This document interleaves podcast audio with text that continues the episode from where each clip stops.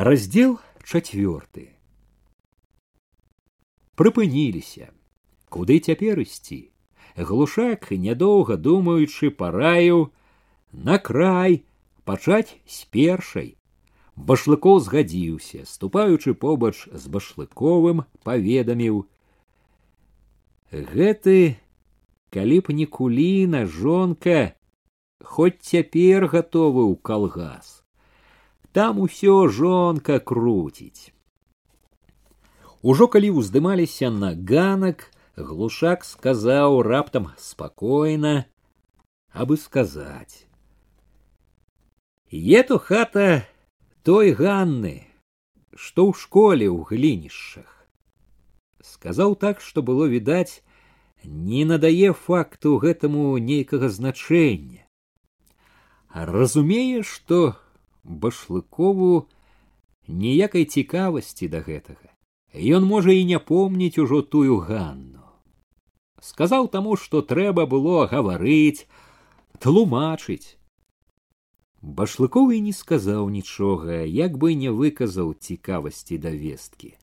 Зрабіў так як належала але ў душы яго ўсё што было перад ім у момант зыначылася усё набыло раптам асаблівае значэнне, як бы зазырчэла ў неспадзяваным яркім святле. На яго як бы абрынулася, апанавала яго моцнае хваляванне, такое моцнае, што здалося не змог стрымаць, здалося кінулася ўсім у вочы. Добра, што ступілі ў сенцы змрокіх помог ухаваць утрапенне. Даў момант, каб абвыкнуцца хоць трохі з неспадзеўкай. Мімаволі падумалася, трэба ж, каб так сышлося. Проста ў хату яе трапіць, як знарок. За гэтым узяло вострае новае, а можа, і яна тут. Хваляванне яго ўзяло новы кірунак сэрца, забілася часта і трывожна прачуваннем неспадзяванай блізкай сустрэчы. Сустрэча гэта трывожыла асабліва таму, што чулася важна яму, і ён не быў зусім не быў гатовы да яе. Пільны, насцярожаны, ступіў ён у хату адразу ухапіў позіркам. У хаце была адна пажылая чырванатварая жанчына што клапацілася пры печы. Як бы не верачая гледзеў хату у пакоі нікога больш не было. Ён на момант як бы ўзрадаваўся адчуў палёгку. Хаваючы толькі што перабытая паважна упэўнена прывітаўся. Жанчына падгарнуўшы жар у печы трымаючы чапялу ля ног і дапытліва і няцямна ўгледзелася у позірку яе нелагодных унізлівых вачэй было насцярожанае чаго прыйшлі гэта відаць так турбавала што не адказала на прывітанне а дзе дядько са знарочыстай весялосцю спытаў глушак на печы нелагодна і падобна неахвотна прамовіла жанчына. Дядька мусіць прыслухоўваўся да размовы. Пасля жончыных слоў на печы паказалася яго ускудлачаная галава, потым і ўвесь ён хударлявы, таксама у даматканых сарочца і штанах босы з кручкаватымі жоўтымі пальцамі на нагах Мелькам зірнуўшы на гасцей павольны спакойны соўваўся з печы што ж это ты чарнушка сярод белого дня папракнуў яго дубадзел чарнушка знеякавела паскардзіўся прастудзіўся недзе нібы падмацоўваючы словы свае сіпла закашляў грэюся вот башлыкоў сачыў за ім з цікаўнай увагай. Звычайны селянін якога ён упершыню бачыў адразу вылучыўся сярод іншых. Гэта быў яе бацька які жонка яго самы блізкі да глінішанскай знаёмай незнаёмкі чалавек. Яна тая загадкавая прысуха была часцінкай гэтых людзей. У іх нібы таілася адгадка той загадкі, якая карцела яму. Сочачы за дзядзькам, адзначыў мімаволі. Тая глінішанская мала падобная на бацьку, толькі ў уладзе твару нешта блізкае у позірку вачэй з пасцярожлівым разумным, але ў позірку гэтым няма той жывасці, неспакою, што раз пораз паблісквалі ў вачах глінішанскай красуні. З маці яшчэ менш падабенства, здаецца, зусім няма. Побач з гэтым прайшло мімаволі. Колькі зацятасці і непрыязнасці ў твары маці. Як бы загадзя папярэджвае, нічога добрага не чакайце. Трывогі той амаль страху, што момант былі апанавалі, ужо не ведаў, сэрца білася ўпэўнена. Усё ж спакою поўнага не было. Хваляваў, даваў вастрыню адчуваннем той факт, што гэта яе хата, яе звыклы свет. Ад таго з нябы якой цікавасцю убіраў усё, што бачылася.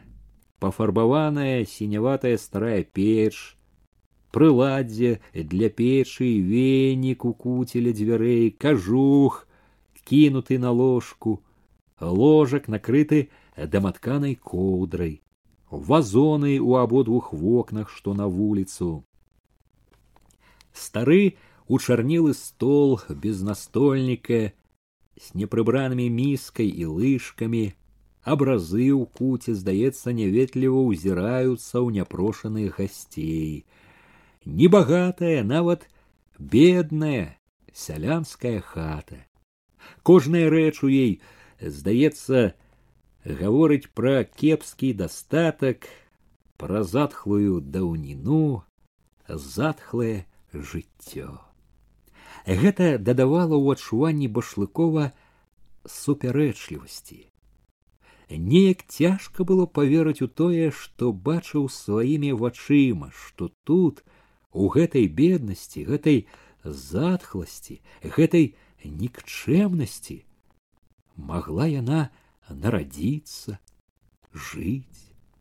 То, якой ён яе бачыў і помніў, так не пасавала з гэтым, што не ядналася ў адзін свет, ён нібы не мог уявіць яе сярод усяго гэтага. Не мог нават і нібы згадзіцца, што такое магло быць. Гэты факт меў і іншае добрае значэнне, тое, што яна не дзе-небудзь, а именно тут жыла, адсюль выйшла, значыла, што ў яе годнае, блізкае паходжанне.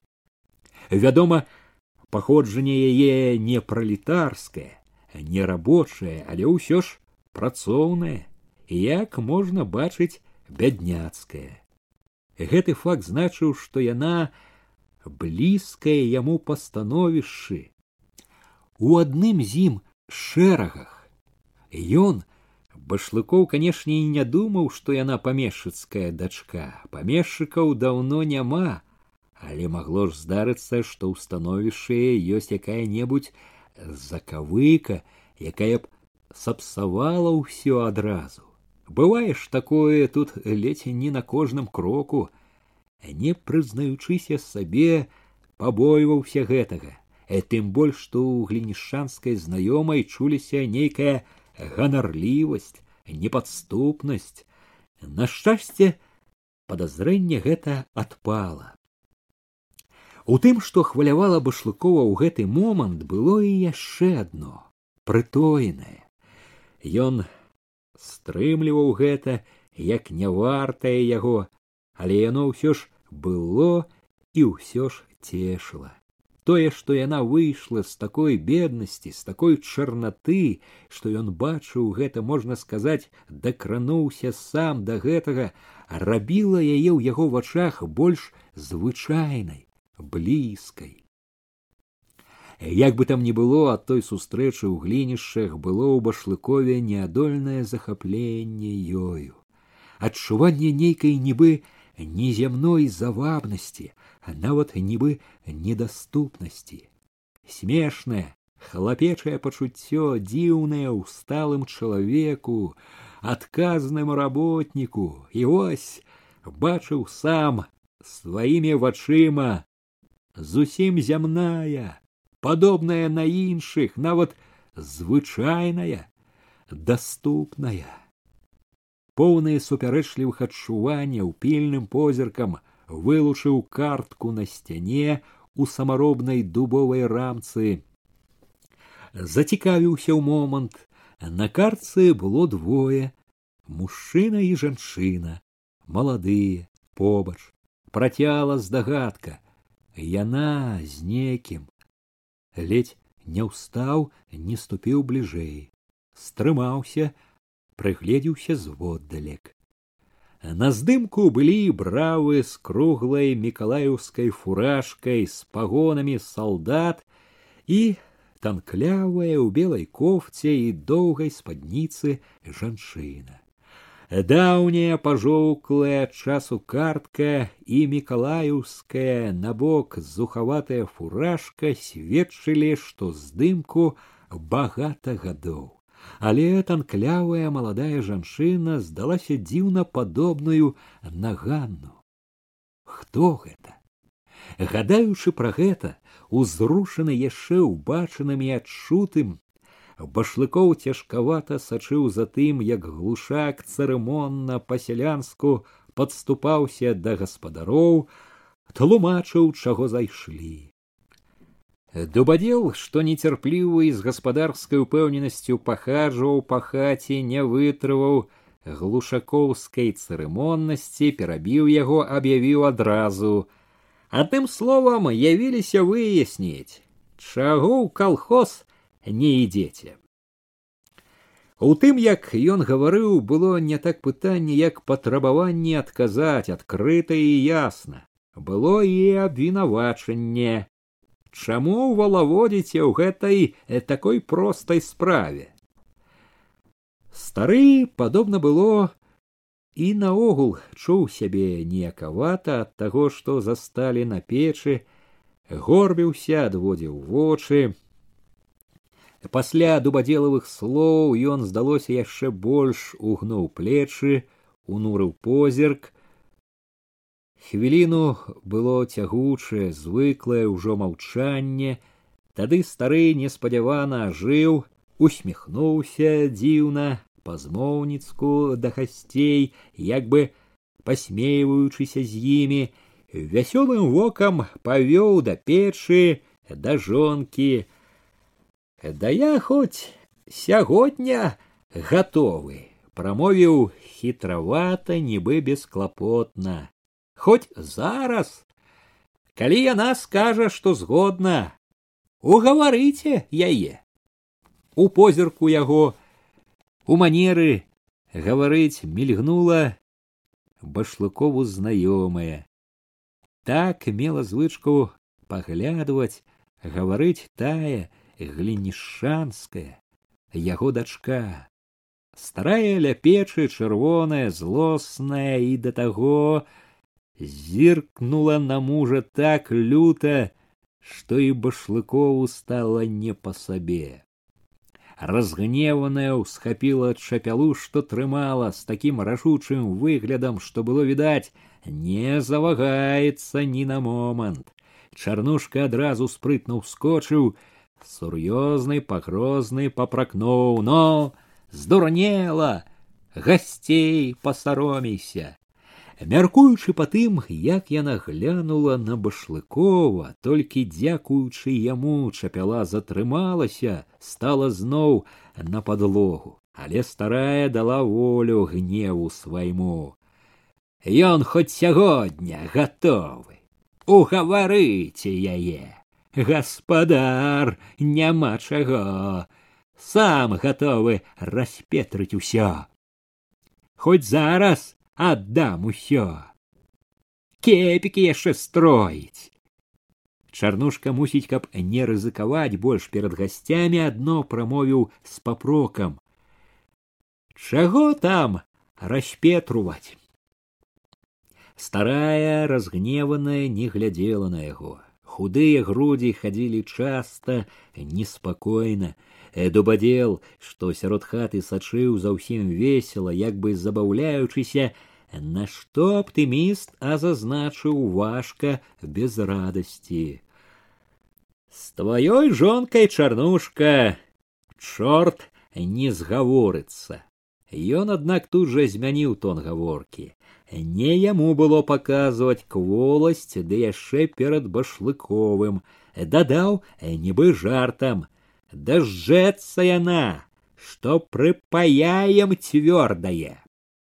Жанчына ці не разумела жартаў, ці не ведала, што значыць жарт дубадзела зірнула люта на яго, урэзала цвёрдая, е то нам цвёрдае, кеп у цябе язык папух за такія твае словы.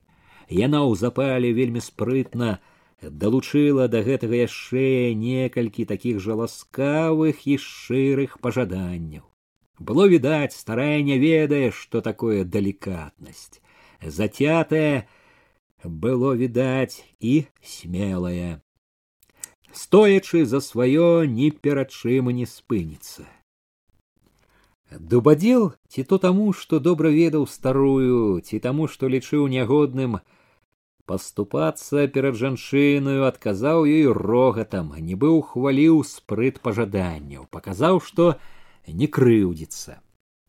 Усё ж надышла нядобрая няёмкасць. Няёмкасць гняла і башлыкова, яго можа нават больш, чым іншых. Усё тое, што ён адчуў ад старой маці яго завабнай знаёмай, так не пасавала зусім тым, што ад сустрэчы ў глінішчах было ў душы. Гэтае так груба таптала тое кволае добрае што чулася яму як абраза яго шчырым пачуццям абражаны башлыкоў не знаходзіў той цвёрдасці якая прыходзіла заўсёды ў такі момант. Э, тое што перад ім быў не нехта чужы а самы блізкі чалавек загадкавай глінішчанкі зыначвала блытала ўсё.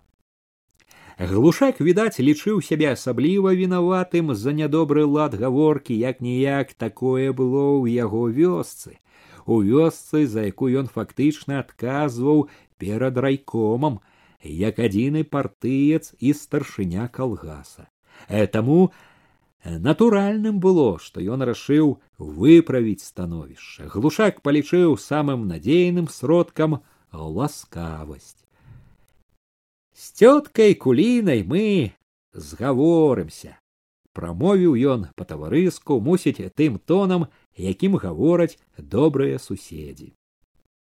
Жанчына аднак не адгукнулася на гэту хітрасць.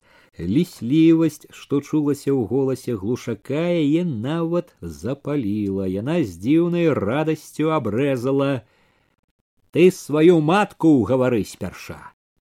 Быў у яе словах нейкі намёк улавіўшы гэта і пэўна зразумеўшы што гэта адчулі і другія глушак занепакоіўся але зрабіў выгляд што ў словах чарнушчыкі няма нічога. Чаго яе ўгаворваць нібы здзівіўся ён. Яна уже ўступіла здзіўленне яго было такім няшчырым так чулася ў ім трывога што гэта было відаць усім Ён не інакш хацеў годна адступіць, не ганьбячыся перад гасцямі. Лепш бы ён перамаўчаў старой. На яго словы чарношчыха зноў скінулася, аге, згадзілася яна радасна з'едліва уступіла. Улезла, ды не знае, як вылезти. Что это вы кажете, тетка? глушак гаварыў зноў няшчыра і мірна, як бы прасіў перамаўчаць, не сарамаціць перад чужымі. Што кажу, А што сяло ўсё чуе, не жадаючы гаварыць марна, яна змяніла кірунак размовы. Каб адразу выказаць усё, заявіла непахісна і слухаць не хочу пра ваш калгас. Тут уступіў у спрэчку башлыкоў. Роўным стрыманым тонам, з упэўненасцю чалавека, які багата больш ведае і разумее, папракнуў за баязлівасць, за тое, што верыць варожым плёткам. Сказаў, што мільёны працоўных сялян адкінулі паклёпы кулацкіх элементаў, смела пайшлі па калгаснай дарозе, што мільёны людзей пераканаліся ўжо на жывым вопыце ў перавагах калгасаў, выбраліся з галечы з голаду. Хто выбраўся, а хто ў лес, адрэзала нецярпліва жанчына сказала так злосна і непахісна, што было відаць, гаварыць з ёй далей марна. Усё ж башлыкоў з цярплівасцю, на якую толькі быў здатны, павёў гаворку далей. Паспрабаваў пераканаць, што страхі іх дарэмныя, што трэба смела выходзіць на новы прастор.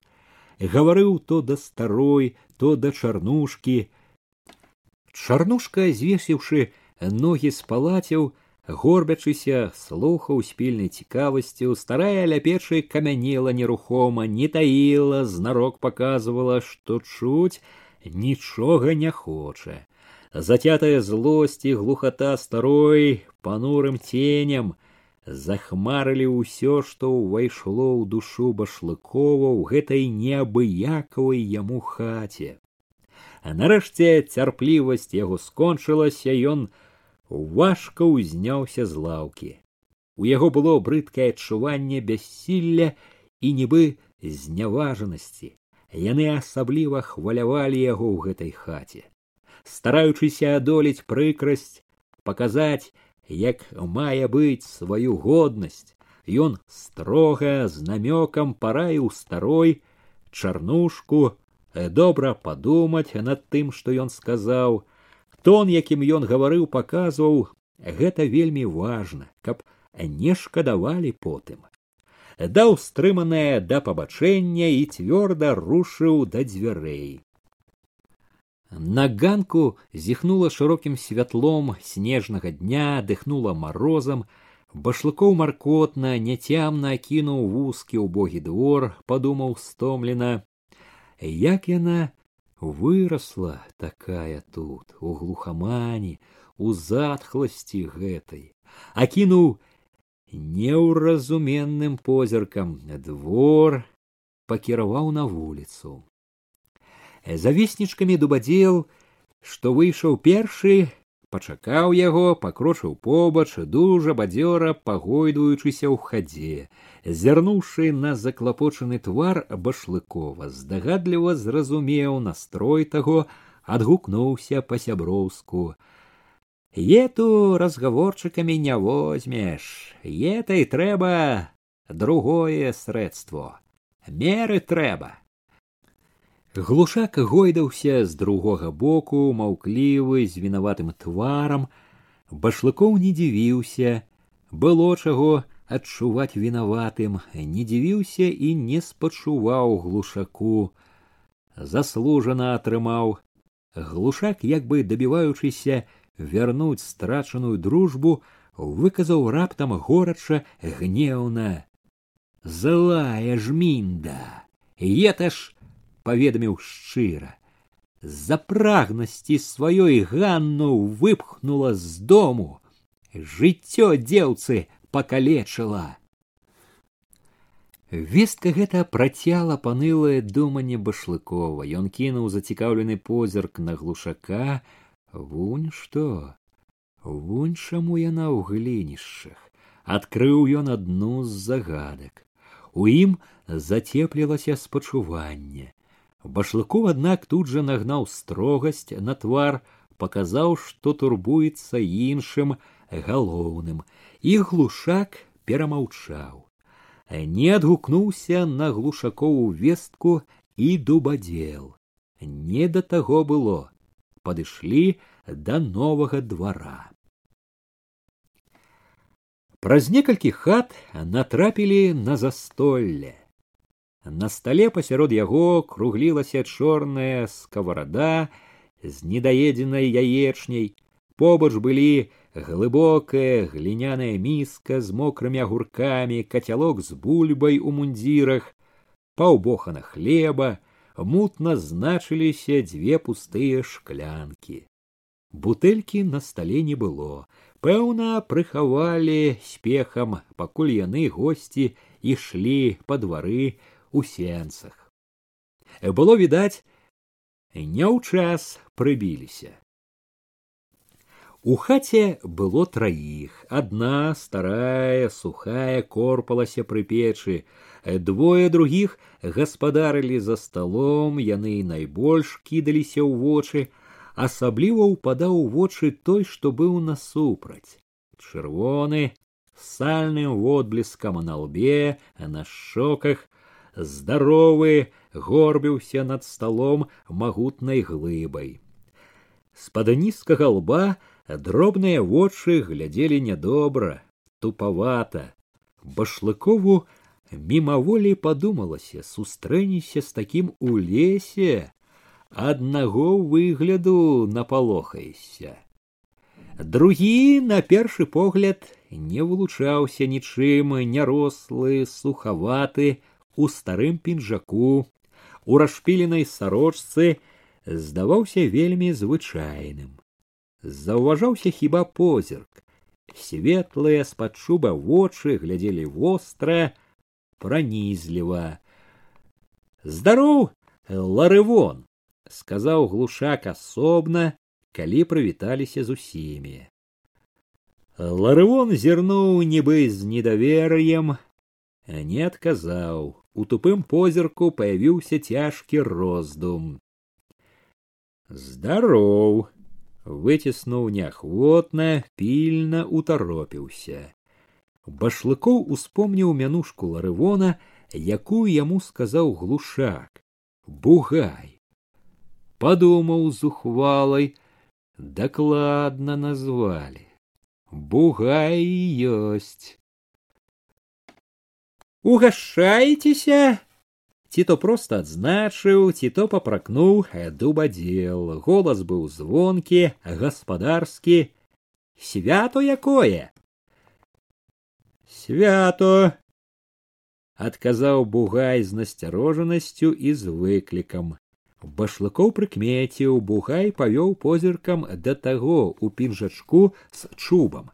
Павёў позіркам не проста так, а нібы пытаючыся. Глушак помніў сваю ролю, выказваючы тонам голасу належную значнасць моманту, назваў башлыкова яго пасаду, потым, павярнуўшыся пачціва да башлыкова, сказаў пра гаспадара, ларывон глушак. Тут міканор затрымаўся, вагаючыся мусіць знаёміць ці не знаёміць з ларывонавым госцем, а можа, разважаючы, як яго назваць. Э той у пінжачку унізаў востры позірк у міканора глушака пачакаў з выразнай насмешкай, устаў з гуллівым выразам на твары пакланіўся яўхім глушак сын халімона глушака у тоне якім ён назваўся пад гуллівасцю таілася значная сур'ёзная. А вось ён. Башлыкоў не ўхаваў цікавасці прыгледзеўся. Асоба гэта завочна даўно была вядома сакратару райкома. І неабыякаваю была. Таму першым адчуваннем была цікавасць, а вось які ён знешне. Гэта прабівалася праз даўнюю і трывалую непрыхільнасць да яго, кулацкага сынка, павестках, якія даходзілі да башлыкова небяспечнага тыпа. Тое, што цяпер бачыў башлыкоў, не мяняючы нічога, дапаўняла ўсё, што ён ужо ведаў, а рабіла больш наглядным жывым. Такою была цікавасць, з якою башлыкоў глядзеў на глушака. Услед за гэтым башлыкоў адзначыў уважліва, як пранікліва гэты кулацкі выкармак выкрыў сэнс меканоравага вагання і як спрытна знайшоў што сказаць у момант зразумеў што ад яго трэба здагадлівы проста надзіва і разумны відаць по-свойму вядома разумны халімуна глушака сынок ясна Яўхім глушак нібы ведаць не хацеў, што там пра яго могуць разважаць з той жа насцярожлівай гуллівасцю глянуў да печы з дзіўнай задзірлівай весялосцю сказаў тётко что ж вы ето не прыглашаеце гасцей за стол а ён павярнуўся да ларывона крутнуў галавой і з дакорам і ты ларывон аге адразу азвалася старая Мітусліва ўзялася перавязваць фартух, як бы паказваючы, што зараз гатова старацца для гасцей. Ларывон не зварухнуўся, утаропіўся ў яўхіма глушака п'яна, няцямна, як бы хацеў зразумець нешта і не мог. Такія госці прыбулі. Самаго раёну Яўхім глушак гаварыў без ліслівасці і без насмешкі, нібы тлумачыў абоім. Можна сказаць, першы чалавек у раёне. І сваё начальство. Тут глушак кіўнуў на дубадзела. Пры апошніх словах улавіў башлыкоў зноў пачулася гуллівасць. Гуллівасць была такая быццам кулачок падсмейваўся з дубадзела, быццам лічыў сябе роўным з ім. Ларывон бугай кінуў позірк на яўхіма глушака і раптам дзіўна павесялеў. І позірк быў вясёлы, гарэзны, як бы змоўніцкі, здалося, паказваў дружку. Зразумеў усё, падтрымаю. Чырвоны твар распоўся дурнаватаю усмешкаю, дужа ўзняўся, шырока павёў рукою з тоўстымі, нібы распаранымі пальцамі, нахабна шодра аб'явіў: давайте прыглашаю ўсіх. Башлыкоў паглядзеў на яго са знішальнай строгасцю, хацеў асадзіць адразу, адкінуць, недарэчныя жарцікі адрэзаў строга годна дзякую але мы прыйшлі по справе а что за столом хіба не робяць справы адгукнуўся адразу той у пінжаку за столом толькі і робяць подхапіў ларывон усякая справа за столом як по маслу. За яечняй ды шчаркай адразу ідзе ён зіркнуў на глушака як бы чакаючы ухвалы голасна заргатаў. Адчувалася здаравіла гэты ва ўсім слухаўся таго дружка той кіраваў ім глушак не падтрымаў рогату і ларывон сціх.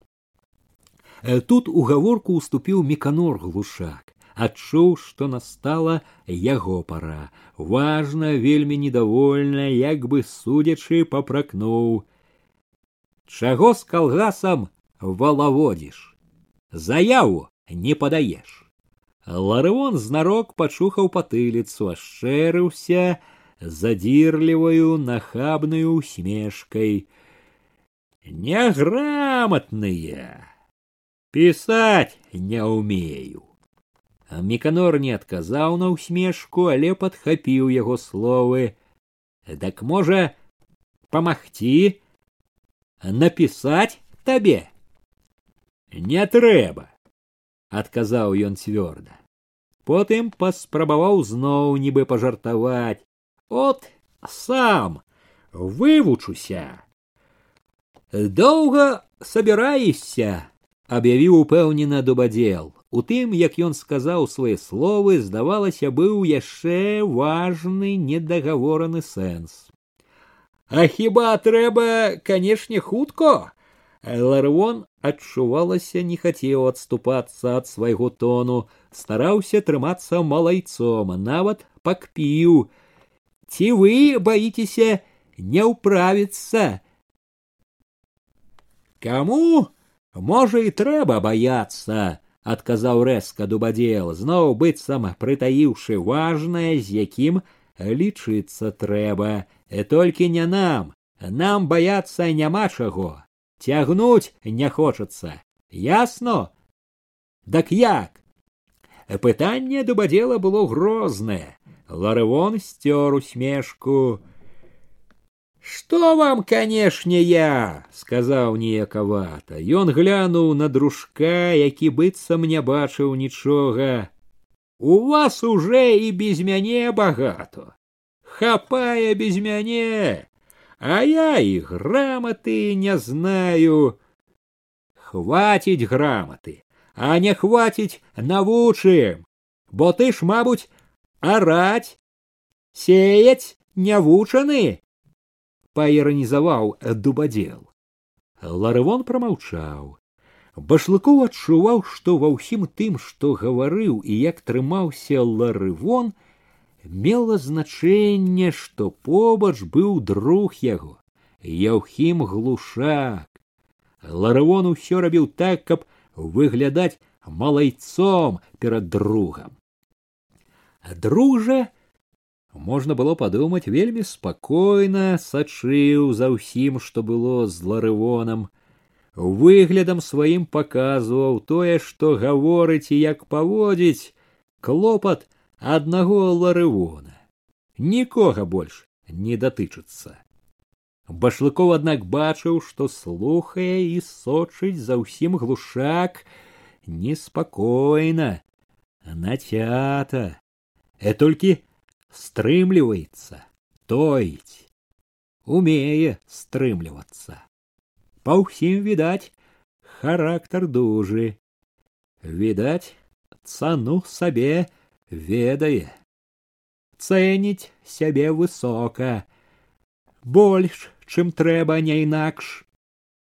Башлыкоў быў упэўнены, што бачыць яго на вылёт, не з такіх башлыкоў каб надта даверыцца таму што бачыцца звонку ды і звонку пільнае вока нямала прыкмеціць можа тоецца глушак але выдаюць яго вочы не не ды пакажуць што там на душы цікаўнасць і непрыязнасць там схаваныя апасліва схаваныя башлыкову такое вядома ўжо не адзін раз прыкмячаў такое ў іншых Яўхім глушак аднак раптам засмяяўся адкрытай задзірыстай усмешкай задзірыста запытаў дубадзела дак можа і мяне возьмецеся навучыць грамаце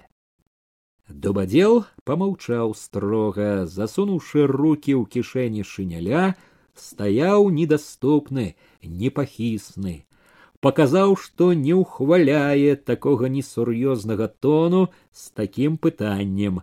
Прамовіў важка: С тобой не возьмемся.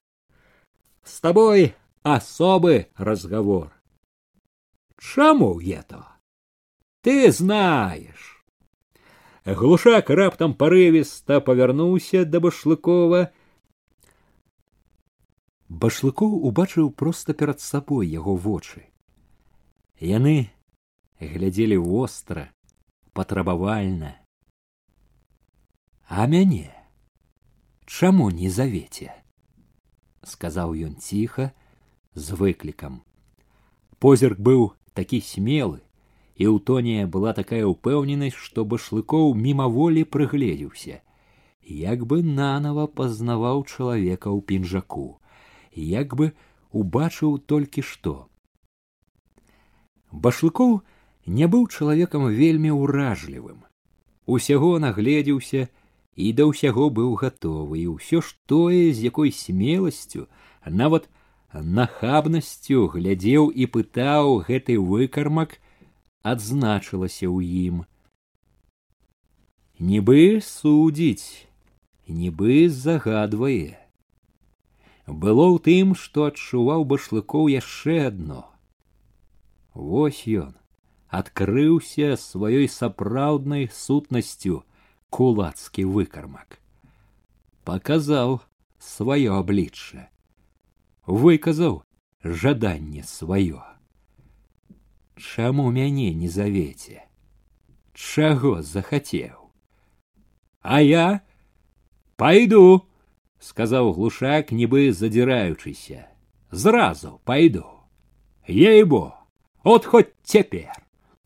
па тым як ён глядзеў і казаў башлыкова адчуваў пойдзе башлыкова не дзівіла гэта сярод такіх нямала ўжо бачыў што гатовы былі і толькі чаму гатовы былі дзеля чаго гатовы таму што хацелі ўхавацца ад падаткаў цёпла ўладзіцца зашыцца каб дачакацца заручнай пары каб шкодзіць знутры пойду и толькі скажите ведаю дасведчана аб'явіў башлыкоў не хочаце не хочам чаму наступаў глушак я здам усё рабіць буду як усе старацца буду позірк яго ўсё вастрэў усё нецярплівей унізваўся ў башлыкова старацца вы будете губы башлыкова працяла з'едлівая мудрая усмешка уся іронія яго была ў гэтым старацца старацца буду зацята вёў сваё глушак. З рашучасцю як самая пераконлівая выказаў што я? Жыць не хочу башлыкоў падхапіў гэта именно таму што жыць хочаце. По свойму по кулацкі ён сказаў з нудою на твары і з нудою ў голасе. Сказаў і адвярнуўся паказваючы што кончыў непатрэбную балбатню. Не хочаце пачуў ён. Глушак прамовіў гэта так цвёрда і з такой нястрымнай злосцю што башлыкоў азірнуўся. Іх позіркі сутыкнуліся. У вачах глушака гарэла такая лютая нянавісць што здавалася ён любы момант можа кінуцца ушапіцца рукамі ў шыю не хочаце куды ж мяне куды ўсіх нас на подстилку, на гной, тек воши под ноготь. Потым, як казаў ён, башлыкоў адчуў, што гэта не выпадковае, перадуманае, што яно збіралася не сёння і вось вырвалася. І ад таго, што ён бачыў, якая лютасць за гэтым і якая смеласць у вачах кулацкага выкармка ён адразу зразумеў як небяспечны гэты тып і як неабходна ўжыць належныя захады каб яго абяшкодзіць ён павёў гаворку з ларывонам стараўся гаварыць разважна стрымана але ўзрушанасць не адступала з ёю ён і пакрочыў з хаты. На вуліцы ён увесь час адчуваў на сабе ненавідны бязлітасны позірк яўхіма глушака. Недарэчна падумалася, што калі з такім трапіцца сустрэцца, на дарозе адзін на адзін.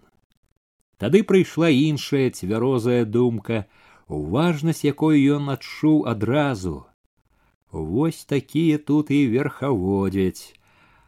Разумеючы нядобрае значэнне гэтага факта, башлыкоў падумаў турботна. Чаму ён расхаджвае на волі? Яшчэ адна сустрэча выдалася асабліваю.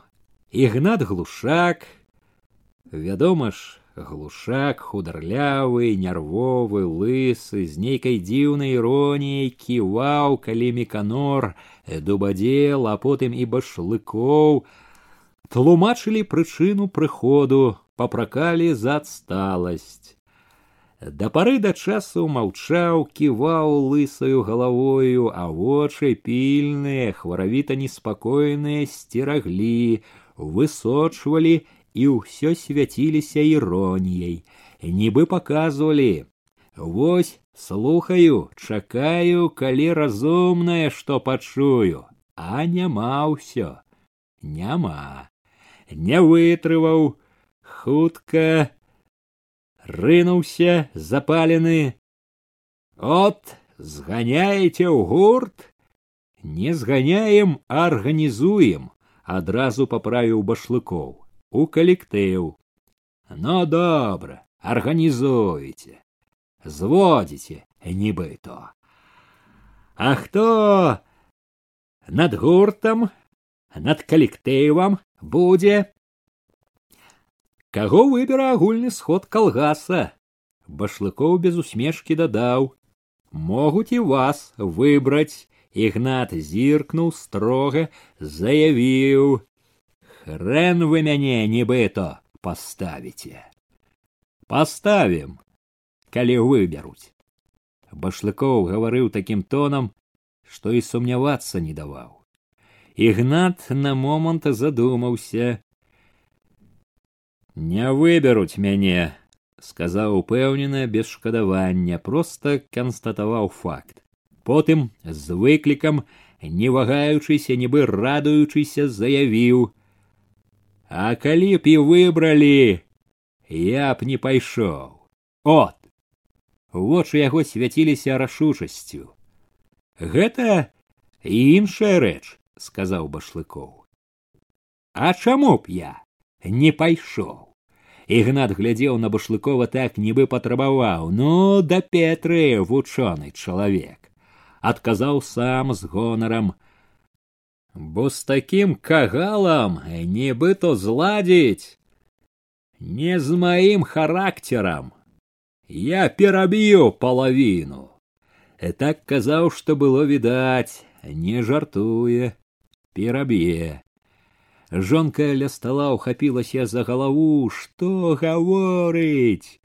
Ігнатко, што это ты пляцеш? Амаль прастагнала яна. Людзі і праўда падумаюць. Ігнат зіркнуў на яе. За это знаеш што?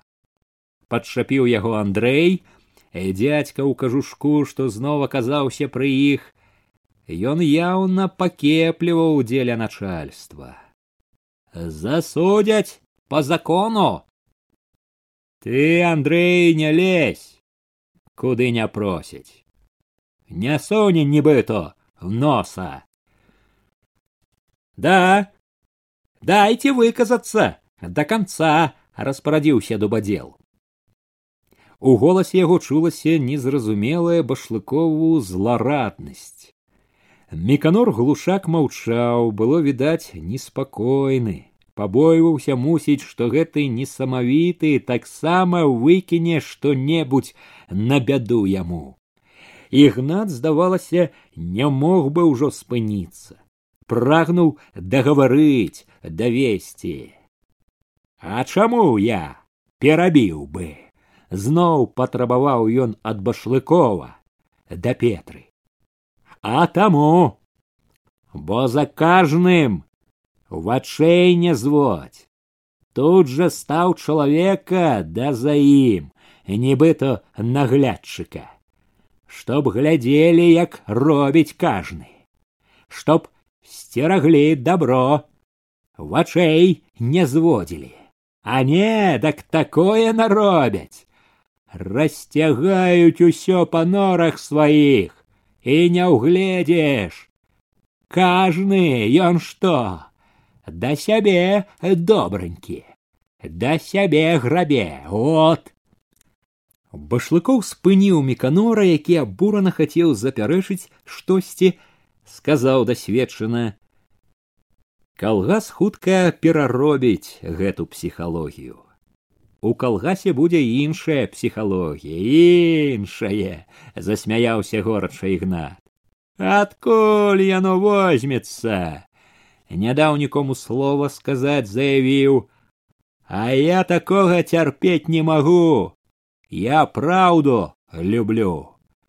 А тых, хто за праўду не любяць гэта ў вас адсталы настрой сказаў башлыкоў да кот я не пайду вёл сваё ігнат кеп і выбралі не пайду ён прыпыніўся на момант востра зірнуў на башлыкова ды і вы не паставіце выказаў непахісна я непаслухмяны нібыто нязручны а начальство всякое нязручных не любіць. Так вы не возьмете, а коли возьмете, так потом под зад. А я этого не люблю и не пойду от того. Ён перачакаў пярэчанні меканора башлыкова з усмешачкай, якая казала: « Гаварыце, гаварыце, не саб'еце, было падобна, што і не слухаў нікога. Ледзь настала пауза, выказаў сваё. Дак вы і паставіце. Каго? Ігнат глядзеў з насмешкай, у якой былі і з'едлівасць і непахіснае перакананне ў сваёй мудрасці. А ён імкліва павярнуўся да меканора глушака. Яго паставіце.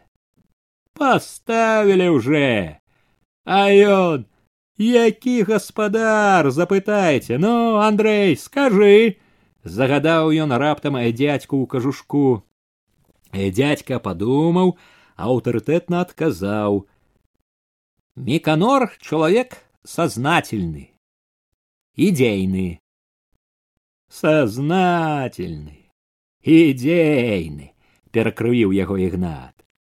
Гаспадар ён які пытаю гаспадар ён сказаў ігнат дзіўна зларадна нібыта з пуля от які ён гаспадар вы дарэмна абражаеце нелагодна сказаў башлыкоў дубадзел падтрымаў яго ігната гэта яшчэ больш запаліла я праўду кажу ён і ў сваёй гаспадарцы не быў ніколі гаспадаром поля сам можна сказаць адзін не абрабіў бацька ўсё ці пад бацькавым наглядам няпраўду хіба меканор бязлітасна сказаў ён да цяперашняга старшыні той гнеўны не дазваўся ну от ігнат як пераможца павярнуўся да башлыкова а цяпер яму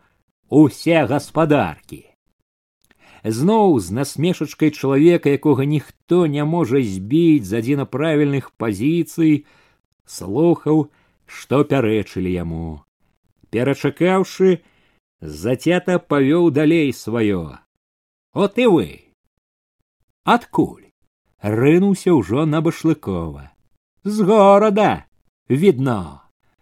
Знаете хоць, як нібыто адрозніць грэчку ад жыта. Ты, глушак, кінь ето.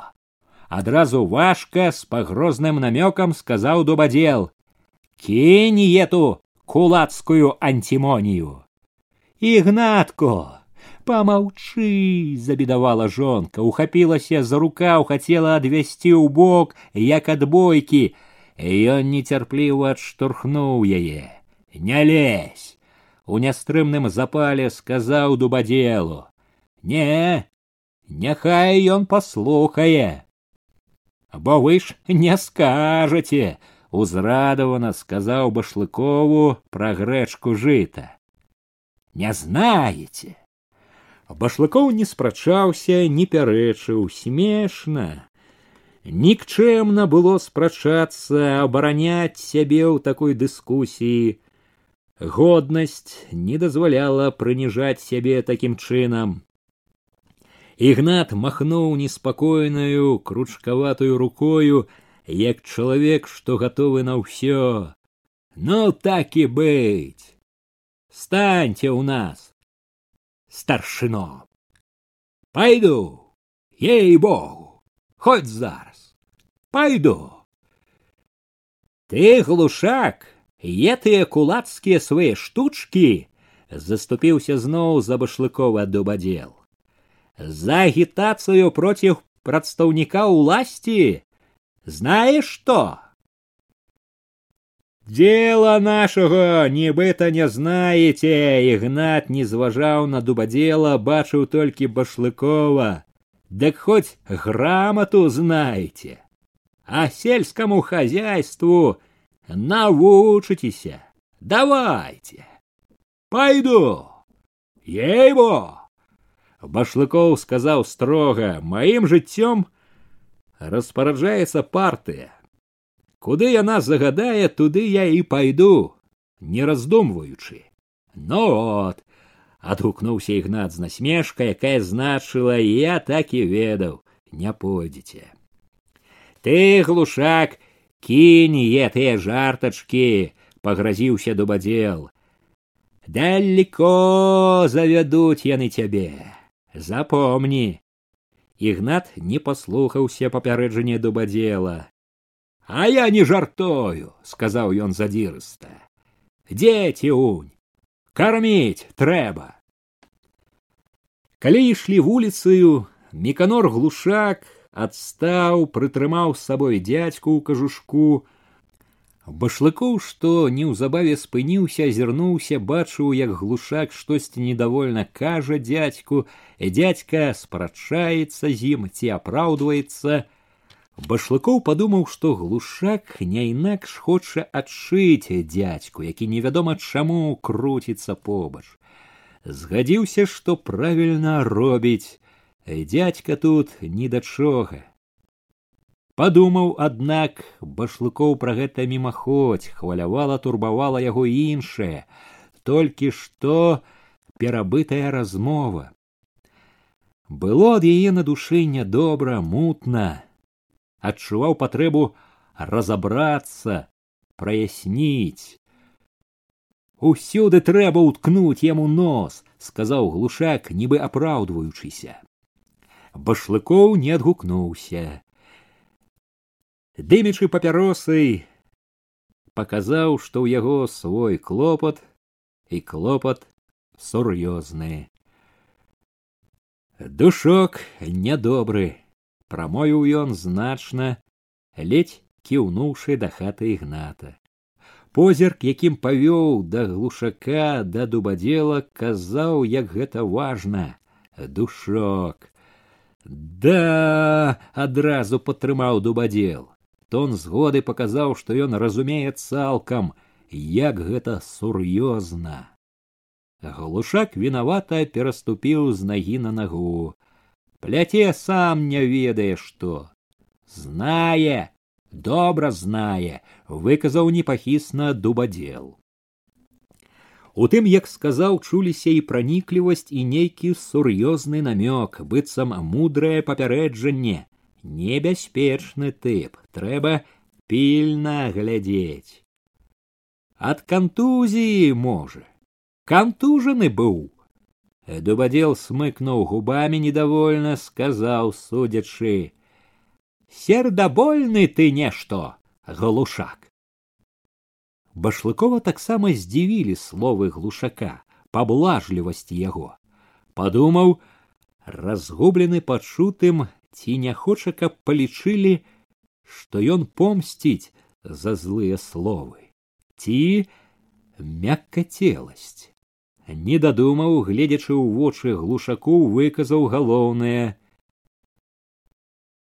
Як ён не займаўся такімі разгаворчыкамі публічна?